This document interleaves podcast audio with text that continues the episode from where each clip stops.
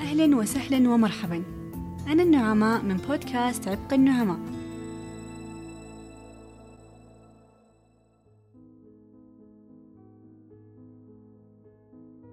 كيف يكون في إنسان عنده حساسية من الماء؟ كيف يقدر يعيش؟ كيف يقضي حياته؟ كيف يشرب موية؟ كيف يغتسل؟ كيف يبذل أي مجهود جسدي؟ إيش العلاج لهذه الحساسية أصلا؟ في الواقع حساسية الماء أو ارتكارية الماء حساسية نادرة جدا. بمعنى أن في الكرة الأرضية كاملة في تقريبا 36 إلى 38 شخص فقط مصابين بها. أول سؤال واجهني وأنا أبحث عن الموضوع كيف عندهم حساسية من الماء و60 إلى 70% من جسم الإنسان عبارة عن ماء؟ معقول أنهم طول عمرهم يعانون من أعراض الحساسية بسبب وجود الموية داخلهم؟ لأن يعني الأشخاص المصابين بحساسية الجلوتين لو تم حقن جلوتين فيهم على طول بتظهر عليهم أعراض الحساسية طب كيف الناس اللي هم أصلا الموية داخلهم طول حياتهم وهم عندهم حساسية من الماء؟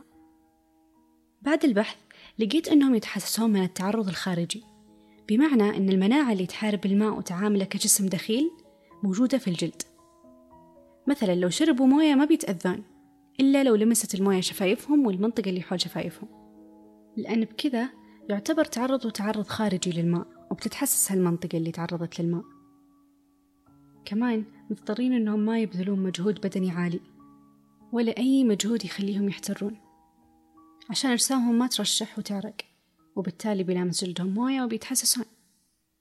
وكمان لازم ما يجلسون في أماكن حارة ولا بأماكن الرطوبة فيها عالية.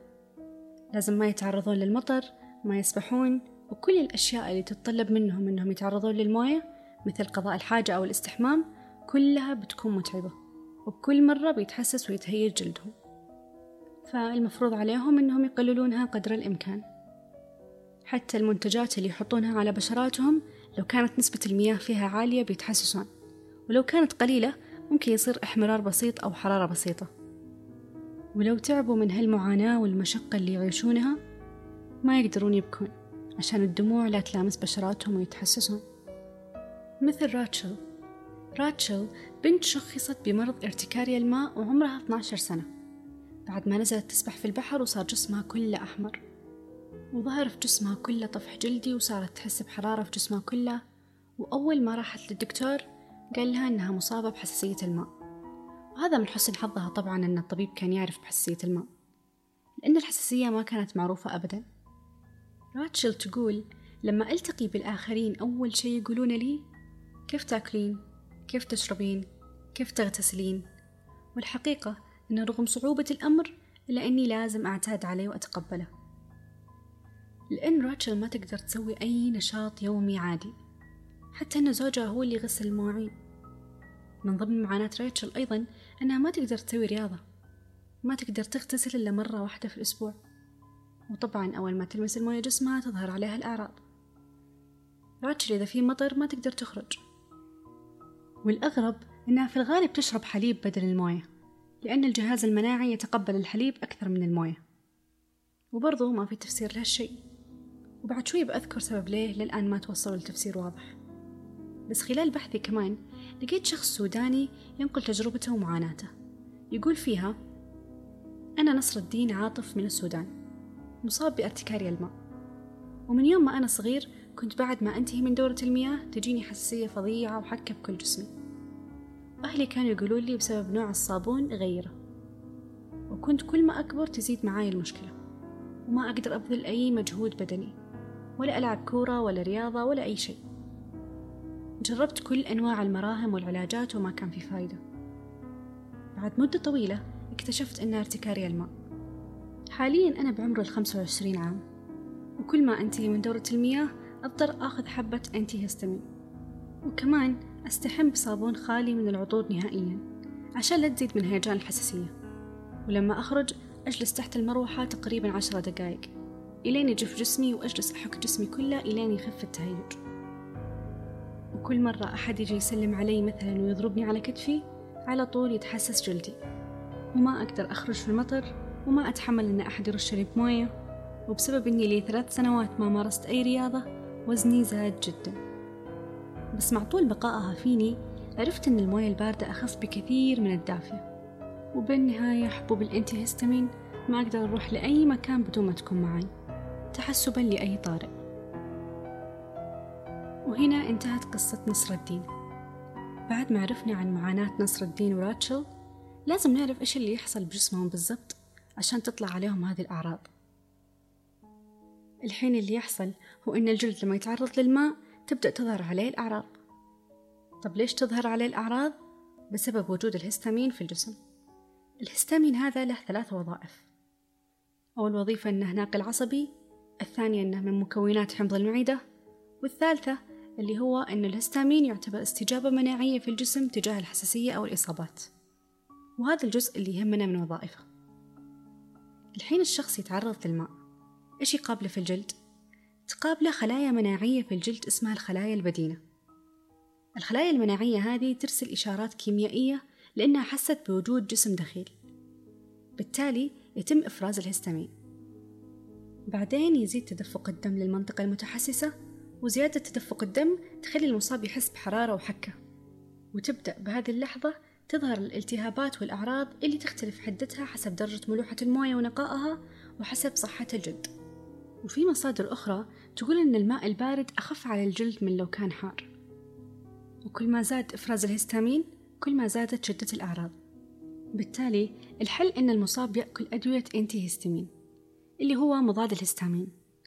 هذا الدواء يتحكم بإفراز الجسم للهستامين ويقلل الأعراض. طب الحين إحنا عرفنا وش يقلل الأعراض.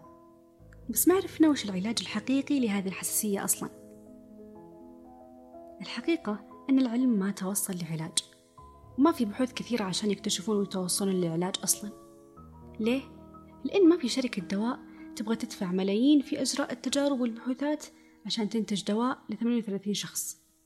بكذا هم خسرانين مئة بالمئة. لأن حتى لو أنتجوا الدواء اللي بيشتريه 38 شخص في العالم كامل يعني ما لهم مردود مالي يذكر. وهذا اللي يخلي البحوث عن هذه الحساسية قليلة جدا. غير كذا في التجارب والبحوث يحتاجون ناس مصابين بالمرض عشان يجرون عليهم البحوث والتحاليل وبعض التجارب. وعدد المصابين مثل ما قلنا جدا قليل. بالتالي الموضوع يصير أصعب وأصعب. لذلك ما في بحوثات كثيرة عن هذا الموضوع. بس بأذكر لكم بعض البحوثات ونتائجها وإيش صار مع الباحثين. سنة 2008 طرأت فكرة لمورر وزملائه في المؤسسة الأوروبية لأبحاث الحساسية. مورر قال إحنا ما طورنا ولا أحدثنا تغييرات في الخلايا البدينة. إيش اللي يخليها تتحول من خلايا نافعة إلى ضارة وتصير تقاوم الماء؟ فاقترح أن المشكلة ما هي في الخلايا البدينة وأن المشكلة في الجلوبين المناعي إي وهو أيضا جسم مضاد مسؤول عن أمراض الحساسية فقالوا لازم نبحث عن دواء يوقف آثار الجلوبين إي والحلو أنهم لقوا فعلا دواء يمنع آثاره وكان مكتشف. يعني ما احتاجوا يصنعون عقار وبحوثات. العلاج اسمه أوماليزوماب هذا العلاج يستخدم لمرضى الربو وبدأت مرحلة التجارب. جربوه عام 2009 وكانت التجربة على امرأة كان عمرها 42 سنة وكان عندها حساسية مختلفة وهي إنها ما تقدر تضغط على أي شيء بجسمها.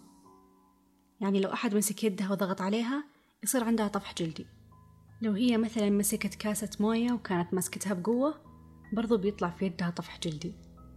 لو مسكت مشط بقوة أو ملابس أو أي شيء يضغط على جلدها على طول يصير عندها طفح جلدي وحكة. جربوا هذا العلاج عليها وبعد أسبوع فقط قلت الأعراض بشكل ملحوظ جدا. وبعد شهر اختفت الأعراض تماما. ومن هنا اكتشفوا أن الدواء هذا فعال مع أغلب أنواع الأرتكاريا. لكن إذا تم اكتشاف العلاج ليش قلت لكم في البداية أنه للآن ما في علاج لهذه الحساسية؟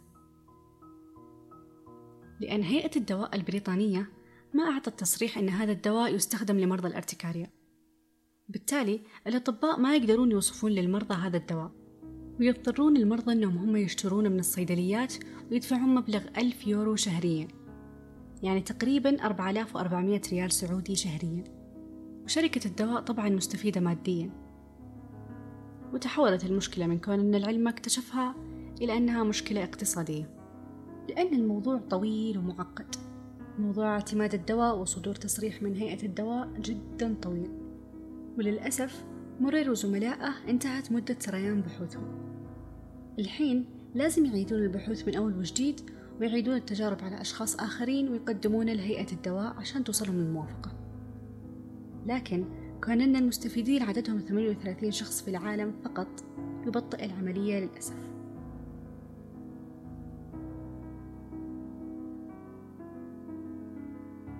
وبنهاية الحلقة لا تنسون تشاركون الحلقة مع عوائلكم وأصدقائكم وزوروا حساباتنا في مواقع التواصل الاجتماعي باسم عبق النعماء. وشكرا لحسن الاستماع.